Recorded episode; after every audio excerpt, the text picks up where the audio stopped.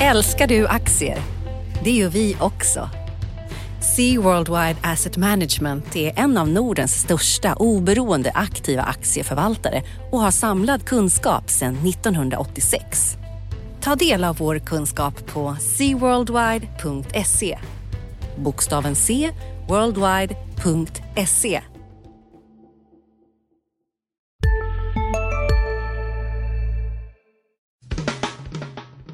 Analyspodden från Dagens Industri. Hej allesammans! Välkomna till Dagens Industris analyspodd där vi pratar börs, finans och eh, andra intressanta händelser. Allt möjligt. Allt möjligt, men eh, viss tonvikt mot börs och finans kan vi väl avslöja. Mm. Eh, idag är det jag, Martin Blomgren, bakom en mikrofon och mitt emot mig har jag Johanna Jansson. Välkommen! Är du laddad? Ja, jag är superladdad. Det är, vi, har, vi har haft en väldigt aktiv vecka här på redaktionen, eller hur? Ja. Det har hänt mycket grejer. Det gör det ofta. Det gör det ofta, men jag tycker att det har varit, tempot har varit högt. Både bolagsaffärer, eh, svensk politik, det är valuta, liksom händelser på valutamarknaden. Så det finns mm. en del att snacka om. Det finns mycket att prata om. Vi ska mm. prata börs, bolagsaffärer, lite Europa, lite Fed och så tittar vi ut lite på spännande händelser nästa vecka. Men ska vi ta och börja med börsen?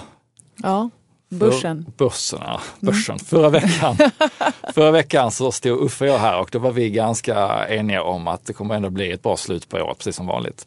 Eh, den prognosen har ju hittills inte varit klockren för det har sett lite tuffare ut. Och men är det inte så också att det kan skaka till lite innan det väl kommer det där sista rallyt? Eller hur jo, brukar tror, det se ut säsongsmässigt bara? Precis, det brukar vara ett par sådana här dips. Jag, jag tror att man eh, fortfarande ska ska tro på det här säsongsmönstret med ett bra, en bra avslutning på året. Men, mm. Våga vara optimist. Ja, kortsiktigt i alla fall. Kortsiktigt. Mm. Det, det, är ju inte så att de här uh, situationen med klen organisk tillväxt och råvaror som, som backar har gått över på något sätt utan det är väl tvärtom det som har uh, lite grann kommit tillbaka den här veckan. Ja, det, det är lite favorit i repris tycker jag överlag om man tittar på det vi har sett nu. Mm. Vi har lite starkare dollar, precis som du är inne på, råvarupress igen. Mm. Som är kopplat till dollarn då, när dollarn ja, precis. stiger så blir det dyrare för icke-dollarländer att köpa ja. råvaror. Och de har ju hängt ihop egentligen hela mm. året. När dollarn har gått starkt så har vi sett en press på råvaror. Men det som är Alltså, det som också är lite favorit i repris och temat här de senaste åren det är att när det går svagt, som du är inne på, klen organisk tillväxt, lägre råvarupriser, vem kommer då? Jo, den vita redan. ja, eh, två, en, Eller hela en, kavalleriet. Hela kavalleriet kommer. För att de här lite svagare siffrorna gör ju att man borde vänta sig mer från den europeiska centralbanken. Mm. Och det kan ju bli en, eh, en skjuts upp, ge en skjuts upp här då i slutet av året. Det är lite, samtidigt så hänger det ju, jag menar, och liksom balansera lite här på gärdsgården kanske. Det mm. gäller ju att de levererar för att vi ska få den här skjutsen. Ja, det blir väldigt spännande december mm. eh, ur centralbanksperspektiv. 3 december kommer ECB så att det blir, eh, det blir en, ja, i början av månaden. Och sen i mitten av december så är det ju amerikanska centralbanken Fed. Precis, då kan den här första höjningen som vi har flaggat ja. för i ett par år nu äntligen komma. ja, det är lite som väntan på Godot. Man bara sitter och väntar och väntar. Nu går vi. Ja. ja, ja det gör men, vi och så sitter de kvar. men jag kanske har missat eh, några av alla Fed-talen men det, de jag har sett eh, vad de eh, säger och skriver så verkar det som att nu försöker man verkligen övertyga om att nu kommer det den 16 december. Ja, i alla fall de har hållit liv i förväntningarna. För förväntningarna svängde ju otroligt snabbt när det var den här Kina-turbulensen mm. tidigare i höstas. Och man, liksom började, man prisade in på räntemarknaden första höjning i början av sommaren nästan. Och nu har liksom pendeln slagit tillbaka lite och nu är man inne på att det kan mycket väl hända då i slutet av året. Och det är rimligt för så mycket hade inte förändrats. Men det var väl mer den här, den här osäkerheten som blir, vad vet Fed som vi inte vet som gör att de inte höjde i september. Och den osäkerheten, för att den inte ska återuppstå igen, då är det nog lika bra att de, att de höjer. Men sen är frågan, Alltså, om räntan är 0,25 i USA, eller 0, i det här spannet mellan 0 och 0,25 som den är nu, eller om den är en halv procent, alltså det är inte det som kommer att avgöra utsikterna framöver för varken börsen, bolagsaffärer, makroekonomin eller någonting. Nej. Men, utan det är frågan så här, vilken takt går de vidare sen? Och nu bara den senaste veckan här då, eh, i början av november så har man från Fed-håll sagt att ja, december håller Men det är ingen brådska därefter. Och det har liksom fått den här då pendeln att svaja Mm. tillbaka lite igen. Så att vi har haft den här dollarförstärkningen eh, sen egentligen i slutet av, eller under september och oktober. Men den har kommit av sig lite bara nu den här senaste veckan. Så nu har vi, nu när vi står här inne i studion så pratar vi om en, en euro-dollarkurs som har liksom trasslat sig ner till 1,08 ungefär. Okej. Men den var ändå uppe på 1,16 i slutet av året. Och mot kronan så ligger vi på 8 och 25, 26 någonting. Men eh, för de svenska exportbolagen så har den här eh, dollaruppgången ändå varit en välkommen eh, skjuts så jag, för att Ja, det borde det verkligen vara. För jag vet att när man... Jag, jag vet inte om du håller med, men någonstans runt sju då brukar man ju börja klaga och säga att det här är alldeles för starkt. Mm. Och nu då uppe på 8,60 så det är betydligt bättre än... Jag menar man har en god marginal Ja. till... Och det gör att de här effekterna, positiva effekterna som Mm. bolagen haft hela året var ju på väg att klinga av kanske i Q4, Q1. Men den här senaste uppgången gör att man kommer ha ett par kvartal till med bra eh, valutaeffekter som eh, på något sätt smetar över den här dåliga organiska tillväxten Mm. och eh, ger skapliga vinster ett tag till. Men det intressanta med dollarn blir ju den här eh, när de går i otakt, centralbankerna. Att, att Fed, Fed bromsar, SEB gasar och frågan är om, om man då redan har tagit ut hela dollaruppgången på det Ja, men lite, lite så är det nog. Alltså, det ska komma innan. För tittar man på hur det brukar se Mm. ut när centralbanker väl går, då händer mycket av liksom, effekterna sker innan. Och det är egentligen samma sak med de här tillgångsköpen. Om ECB börjar köpa nu, i, eller säger, vad de nu ska säga här i december, att de utökar sina köp, att de ska köpa längre, att de köper andra saker eller vad det nu kan vara för någonting. Men mycket av effekterna brukar komma innan man väl sätter igång. Så att, eh, det är framförallt, alltså det blir intressant att följa ut. Alltså, jag tror att man ska vänta sig den största rörelserna här på den här sidan årsskiftet. Det, blir nog, det kan nog bli lite volatilt helt enkelt på valutamarknaden. Och sen är det också så att för svensk del och så är det ju även för börsen, när man kommer in mot december så brukar likviditeten sjunka. Alltså man är, folk är inte lika aktiva. Och det är julhelger och man kanske inte vill ha positioner över Nej. årsskiftet. Och det kan vara massa olika faktorer som gör att likviditeten avtar. Och då kan ju rörelserna bli större bara av det. Det brukar vara spännande rörelser i slutet på, eh, på året. Även om skatteeffekten inte är lika stor som tidigare när man Mm. eh, skatteplanerade i och med kapitalförsäkringar och sådär. Men, men årsskifteseffekten och januarieffekten, den tycks leva kvar ändå. Mm, men, lite, men lite försiktigt positivt. Men det gäller att centralbankerna gör det som de förväntas göra helt enkelt. Mm. Och hade det här varit en podd som heter Politikpodden skulle vi nu prata väldigt mycket flyktingpolitik. Men vi kan väl Ja. konstatera att Att det präglar även analyspodden. Ja, att det, det präglar ju det mesta Mm. i nyhetsflödet just nu. Men Det påverkar även eh, e- ekonomiska variabler. Alltså vi såg till exempel Magdalena Andersson gick ut med den här extra tilläggsbudgeten här i veckan och kommer låna lite mera pengar för att ge till kommunerna för att underlätta för dem i asylmottagandet.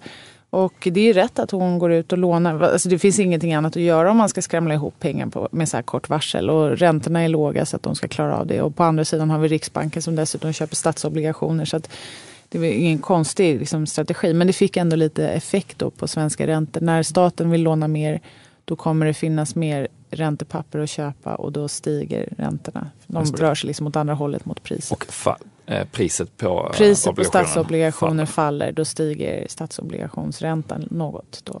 Just det, och det kanske är tidigt att spekulera i vinnare på det här om man, om man ska vara krass. Men Mm. När det kommer mer människor som behöver mat och kläder så, så är det ju ganska givet att eh, inhemska detaljhandelsbolag skulle kunna gynnas av, eh, av den här befolkningsökningen. Alltså det, de flesta stora drakar, liksom bedömare, organisationer, de har varit ute ganska nyligen och tittat på och försökt räkna på effekterna av det här. Och sen är det klart att det har ju forskats och räknats på det här i massor av år. Så det är liksom inte så att de har uppfunnit något nytt hjul här. Utan, men liksom alla studier visar ju att det är klart att om man, om man blir fler personer i ett land eller på en plats, ja men då driver det upp tillväxten just där och då. Och sen hur vi hanterar det i Sverige på längre sikt, det kommer ju i slutändan bero på hur många som får jobb och sådär. Och det vet vi ju. Men det är så... Det är ingen kontroversiell ståndpunkt att säga att det kommer lyfta tillväxtsiffrorna bara rent BNP-mässigt. Eh, Nej, och försäljningsmässigt om man är, är och, försälj- och det är ju det som är omsättningen. Sve- AB Sveriges omsättning Ja. kommer öka. Och även Willys, lågpriskedjan som. Axfood äger, Ja. Axfood äger För kan det är, man ju tänka mång- sig. precis, det är ju det är de som ändå utgör det här hela, liksom hela AB Sverige. Så blir Willy, Axfood och sen kan det vara andra saker. Det kan vara Clas Ohlson. Clas Ohlson kanske. ja, på marginalen till att börja med. Margina men, rent krasst ekonomiskt och på marginalen. Men det är klart, det här kommer ju fortsätta prägla oss och vi kommer ju säkert fortsätta skriva om det här också. Men den rosa affärstidnings eh, slutsatsen av det här då, precis som du säger. Det är klart att det kommer påverka. Mm. Europa har du satt tänderna i. Ja men det är lite samma där. För att man, det, allt det här, den här politiska osäkerheten som vi ändå ser och som liksom präglar tidningsrubrikerna och allting annat. Det gör ju att man kan tro att det bara kommer gå ut för. Det kommer gå åt helvete från härifrån. Men det kan du bekräfta att det inte gör? ja. ja, men jag tänker att nu är det dags att se, vi får se sakerna från den ljusa sidan. Eh, men det är faktiskt så att det är, det är klart att det här är en betydande, det finns massa olika osäkra faktorer. Och det gör det alltid och kanske mer nu än för 10-15 år sedan. Men om man tittar bara på konjunktursignalerna mm. och liksom tröskar igenom de olika konjunkturindikatorerna, då pekar kurvorna faktiskt uppåt för mm. Europa. Nu fick vi nya BNP-siffror då. Och sen kan man ju säga vad man vill om BNP som mått. Men det är ändå som sagt omsättningen för då AB euroområdet. Mm. Mm som ändå, eh, de var, ser väl ut att ha kommit ungefär i linje med förväntningarna. Men det handlar ändå om liksom att Europa rycker långsamt upp sig ur det här hålet som finanskris och sen skuldkris ändå grävde. Så att, lite bättre tillväxt i Europa och det är då för tredje kvartalet så det är delvis historia. Men det såg vi även i svenska bolagsrapporter, eller hur? Ja, och jag skulle säga att vi ganska många år har sagt efter första kvartalet att ja, men det finns ljus i Europa och sen i andra kvartalet, tredje kvartalet så har det grusats om och om igen. Man har haft det här hoppet på våren och eh, i, precis som börsen så har det då eh, slappat till på hösten. Men i år så har både Q2 och Q3 har Europa stuckit ut. Som positivt. en positiv motvikt också till Dessutom då, trots ja. att de andra regionerna, USA vacklade lite och eh, Kina ganska mycket så har Europa i många av storbolagen stuckit ut. Så att lite fasta mark får, får man nog Ja, de är liksom på väg upp där. Perspektiv. Å andra sidan, om vi ska koppla tillbaks till början då. Det är inte så pass fast mark att man ska tro att ECB är färdiga. För att det handlar fortfarande om en liksom väldigt långsam återhämtning från ett väldigt stort tapp tidigare. Mm. Så att för att det ska fortsätta och se bättre ut, då behöver de Mario Draghi, Super Mario, mm. behöver leverera Sista dagarna nu på vårens stora season sale. Passa på att göra sommarfint hemma, både inne och ute. Och fynda till fantastiska priser. Måndagen den 6 maj avslutar vi med Kvällsöppet i 21. Välkommen till Mio. Med en värld i gungning blir det viktigare än någonsin med kunskap och diskussion. Att värna det fria ordet, för livet och demokratin. Så när du trodde att du visste allt, har vi alltid lite till. Privata affärer plus allt All journalistik du behöver, samlad. Prova en månad gratis. Göra någonting mer. Eh, om inte annat så för att hålla liksom liv i, för det hänger ju mycket på att eh, ekonomin behöver hjälp av, av en valuta som inte blir för stark, av räntor som inte sticker iväg och så vidare. Så det, och så får Europa då lite mer råvaruskjuts än de här länderna. Ja, i, för, att, för att i USA så drabbas ju liksom en stor gruv och oljesektor av lägre råvarupriser och även så i emerging markets, alltså massa tillväxtekonomier mm. som Brasilien och Sydafrika och sådär. Medan i Europa så blir det mer en skjuts. Och det har man sett också för att för första gången på länge så har faktiskt de europeiska hushållen vaknat till. Och det handlar nog mycket om att man, man får mer pengar över i plånboken när man inte behöver betala lika mycket för bensinen och sådär. Ja, på mikronivå så såg vi på fredagen då hur Rottneros, den lilla eh, pappersmassatillverkaren, eh, kom med en extrautdelning och eh, resultat och de hänvisade till låga energipriser och stark dollar. Så det summerar egentligen hela den här mm. diskussionen precis apropå det, dollarn kan gå lite starkare återigen då och man kanske ska damma av de här prognoserna där det fanns folk som trodde på eh, en eurodollarkurs närmare ett. Vi är nästan redan där, så det kan ju finnas med. Men sen vet du katten alltså hur mycket mer den kan gå. För att det är inte så att eh, Fed bara kan trumma på med räntehöjningar om det samtidigt liksom brassas på med mer stimulanser i euroområdet. De kan inte hålla på så i all evighet. Så att eh, den, den största delen av dollarförstärkningen borde som sagt komma innan de väl sätter igång. Mm. För sen kommer det bli en bromskloss även för Fed. Och det såg man ju också att, precis som vi var inne på, baksidan av mynt då, det blir bra för europeiska bolag men det äter upp en del av vinstmarginalerna i de amerikanska mm. bolagen. Eh, och nu vet jag att vi ska prata lite om de här öl, ölförsäljarna för det har hänt lite grejer där. Men eh, en grej som man såg just i SAB Miller som eh, rapporterade i veckan var just att de eh, en stor del av vinsten åts upp just av den starkare dollarn. Men de har även gjort andra grejer, eller hur?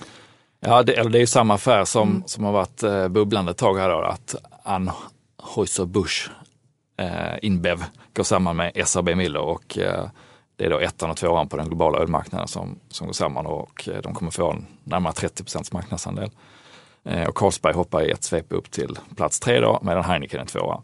Eh, den affären ser då ut att vara klar och underskriven den här veckan. Så det är en spännande ölnyhet. Den andra spännande är att Carlsberg kom med en rapport och de gör stora nedskrivningar i Ryssland som de har haft problem med länge. Men eh, förra vdn som fick sluta i våras, som jag intervjuat flera gånger, han har alltid varit väldigt optimistisk kring Ryssland och eh, eh, att det ska vara en tidsfråga innan det vänder. Men de här nedskrivningarna, och nu låter det som att det ska vara tufft länge, så att eh, de verkar ha bytt lite spår i sin syn på Ryssland. Men, eh, Men ja, Ryssland är ju lite sådär, det, det verkar vara det, det har varit ett sorgebarn länge men det finns ju de som har blivit lite mer positiva. Jag såg att det finns de som pratar om Rysslands fonder och som Mm. ändå vänder uppåt lite. Och sen så Oriflame som också är stora i Östeuropa och åt det hållet. De också, Ja, eller vad ska man säga, var- de är inte mer optimistiska. Men de, eller är det bara det att man har vant sig vid Ryssland är dåligt och sen så får man gå vidare därifrån? Jag tror det, för att försäljningen i Ryssland var faktiskt fortfarande sämre än vad analytikerna i snitt hade räknat med. Det var de andra delarna då i Kina där de växer med dub, dubbeltakt och eh, Latinamerika, Indonesien, Nigeria, alltså stora befolkningsrika länder där de börjar få fart på tillväxten. Plus att Europa igen eh, stabiliseras. Den västra delen. då. Ja, ja precis. Så att eh, det var inte Ryssland som var glädjen där men, Nej, okej. men eh, Men vi har, anpassat, vi, har anpassat, exakt, vi har anpassat oss till nya förväntningar på Ryssland. Ja. Mm. Och tittar man flera år tillbaka så har ju Oriflames eh, aktiekurs gått eh, rakt ner i backen och ner till 100 kronor som lägst. Så att, att den studsar upp är också en effekt av att, att det börjar bli billigt om man bara kan hoppas på en liten eh, vändning. Mm.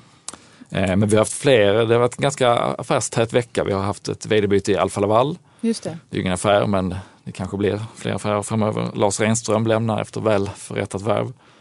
10, 11, 12 år har han varit där och Vad tycker du om den nya då? Ingenting faktiskt. Jag, jag har varken träffat honom eller eh, någon större koll på hans track record. Så att, eh, men han har gott renommé vad jag har hört. Så att, Och eh, även i den här tidningen, för det skrev vi i alla fall på första Ja. sidan den dagen det byttes. Ja. Men eh, Lars Renström lämnar ju, om inte med flaggan i topp, för att det har varit Mm. lite trögare på sistone beroende på olja gas och, och marinsidan. Så, men ser man till hela hans period så har han flyttat upp det här bolaget från att vara i andra divisionen bland verkstadsbolagen till att vara bland de, bland de stora och eh, stabila, lönsamma. Så att, eh, ja, det är bara att lyfta på verkstadshatten. och i sektorn så har Trelleborg gjort sitt eh, största förvärv också Just det. köper CGS Holding, ett tjeckiskt bolag inom lantbruks och specialdäck. Och det ser väl ut som ett bra köp. Ser inte jättebilligt ut jämfört med omsättningen men det verkar vara ett fint bolag, 16 rörelsemarginal och Peter Nilsson på Trelleborg tror att han kan plocka ut 300 miljoner i synergier och ställer man det mot omsättningen i det köpta bolaget på nästan 6 miljarder så är det 5 enheters eh, rörelsemarginal till. Då, så att i, i det ljuset så köper de då ett bolag med över 20 rörelsemarginal. Och, eh, det brukar ju signalera kvalitet om man är uppe på de nivåerna. Så att, eh, det kan nog bli bra. Jag, jag som tänker mer, som liksom har makro, liksom, synen. Jag vill ju gärna dela upp allting i så olika faser och perioder och sådär. Man skulle vilja, nu har vi haft en sån otroligt lång så här återhämtningsfas. Vad blir nästa steg liksom bolagsmässigt? Vad kan man vänta sig? Det har ju inte varit är det så, är det bara min känsla eller har det blivit lite mer affärer nu sista tiden? Signalerar det någonstans en framtids, i alla fall mindre pessimism att man vågar ta de här pengarna som man nu samlat på hög? Eller är det det att Mm, man, man tänker kan- så här att ja, okej, det blev ingen organisk tillväxt, vi gör så här istället? Exakt. Jag tror att man måste se det lite, lite i det ljuset också. Att om man har låga räntor, mycket pengar och man inte har någon egen tillväxt. Då får man antingen dela ut dem till aktieägarna. Men som vd vill man ju hellre göra affärer. Och, eh, Men i alla fall, är det så att man kan, vi kan förvänta oss fler framöver? Eller ska vi tänka, vad är, Det tror jag, så, länge inte priserna skenar iväg. Eh, det var ju en period i, våras när många eh, nog tyckte att det hade blivit för dyrt och sen så gick börsen ner och då kanske det Man har gått och klurat på någonting Ja. och så slår man till. Är det någon Precis. annan som du tror kan, vad skulle vara din drömaffär som du skulle vilja se? Drömaffären är egentligen de som vi inte skriver så mycket om. Det är bolag som kan köpa eh, kompletteringsförvärv där de vet precis hur de ska stoppa in det i sin verksamhet. Som kan göra en 5-10 sådana förvärv om året. Och dels är det mycket mindre risk i den typen av affärer. Och dels så eh, om man ser på hur aktiemarknaden tittar på bolagen och analytikerna så lägger man väldigt sällan in förvärv innan de är gjorda.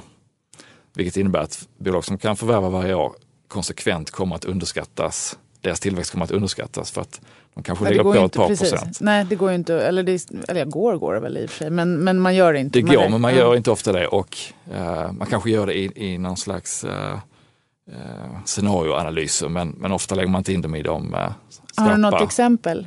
Som man kunde... Alla teknikhandelsbolagen Mm. egentligen, eh, Indutrade, Adtech, eh, Lagerkrans, eh, Lifco som Carl Bennet satte på börsen för ett år sedan. Mm. typexempel.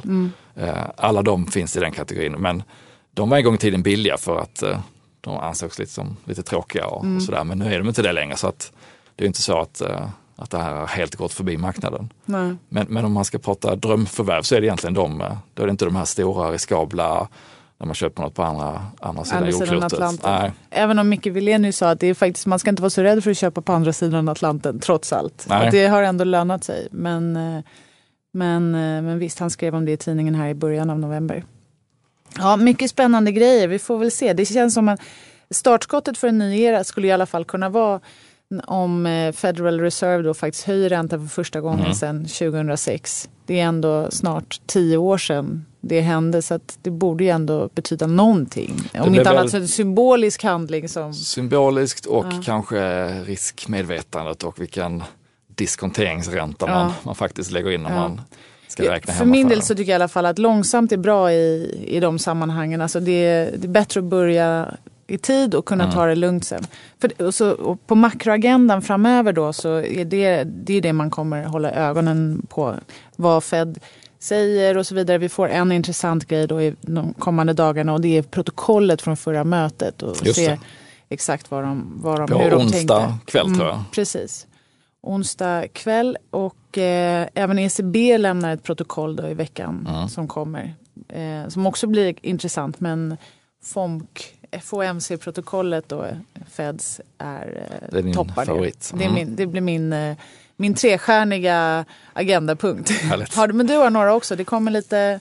Jag har två, två stjärnor skulle jag säga då. Eh, Två kapitalmarknadsdagar som jag tänkte åka till. Mm. Eh, Den första är Atlas Copco på tisdag. Eh, Stort verkstadsbolag då inom eh, många olika sektorer men de har som andra drabbats av gruvoron och av oljeprisfallet och i senaste rapporten även eh, halvledarsektorn i USA. Eh, det intressanta i senaste rapporten var att de fick en stor avbokning av order precis innan kvartalet var slut. Eh, det brukar ju inte vara ett gott tecken. Så att det blir väldigt intressant att höra vad de kan säga om efterfrågan efter eh, kvartalets utgång. Och sen på onsdag är det Assa Abloy, låsjätten och Ursäkta. där vill man egentligen bara veta att inget, eh, att allt går som det ska. Därför att det omtyckt vd, omtyckt aktier, omtyckt bolag. Eh, finns egentligen, eh, det finns egentligen bara nedsida om det skulle, Ja. om den här bilden skulle spricka av, av, eh, av det här bolaget. Så Det är blir spännande och de avlöser några andra kapitalmarknadsdagar som redan har varit. Mm. Det är lite de tiderna. Precis, vi har haft Ericsson i veckan som vi inte ens pratade om och vi hade SKF veckan innan. Så att, Mm. eh, andra tider just nu är förkylningstider. Det är därför jag sitter och hostar. Men det är väl så eh, på hösten. Kapitalmarknadsdagar och förkylningar. Bra, ska vi summera eller ska vi? eh, Ja men absolut.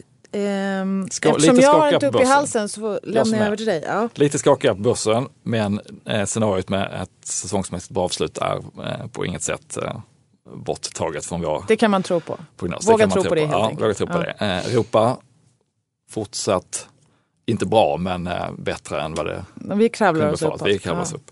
Och eh, flyktingkrisen kommer fortsätta prägla och det kommer att finnas eh, möjlighet att sälja mer eh, för många inhemska detaljhandlare. Och vi ser fram emot Feds FOMC-protokoll för att avgöra om de faktiskt höjer i december. Och vad gör vi mer? Vi går på kapitalmarknadsdagen. Ja. Tack för den här veckan. Ja, tack. Hej! Hej. Analyspodden från Dagens Industri. Programmet redigerades av Umami Produktion. Ansvarig utgivare Peter Fellman.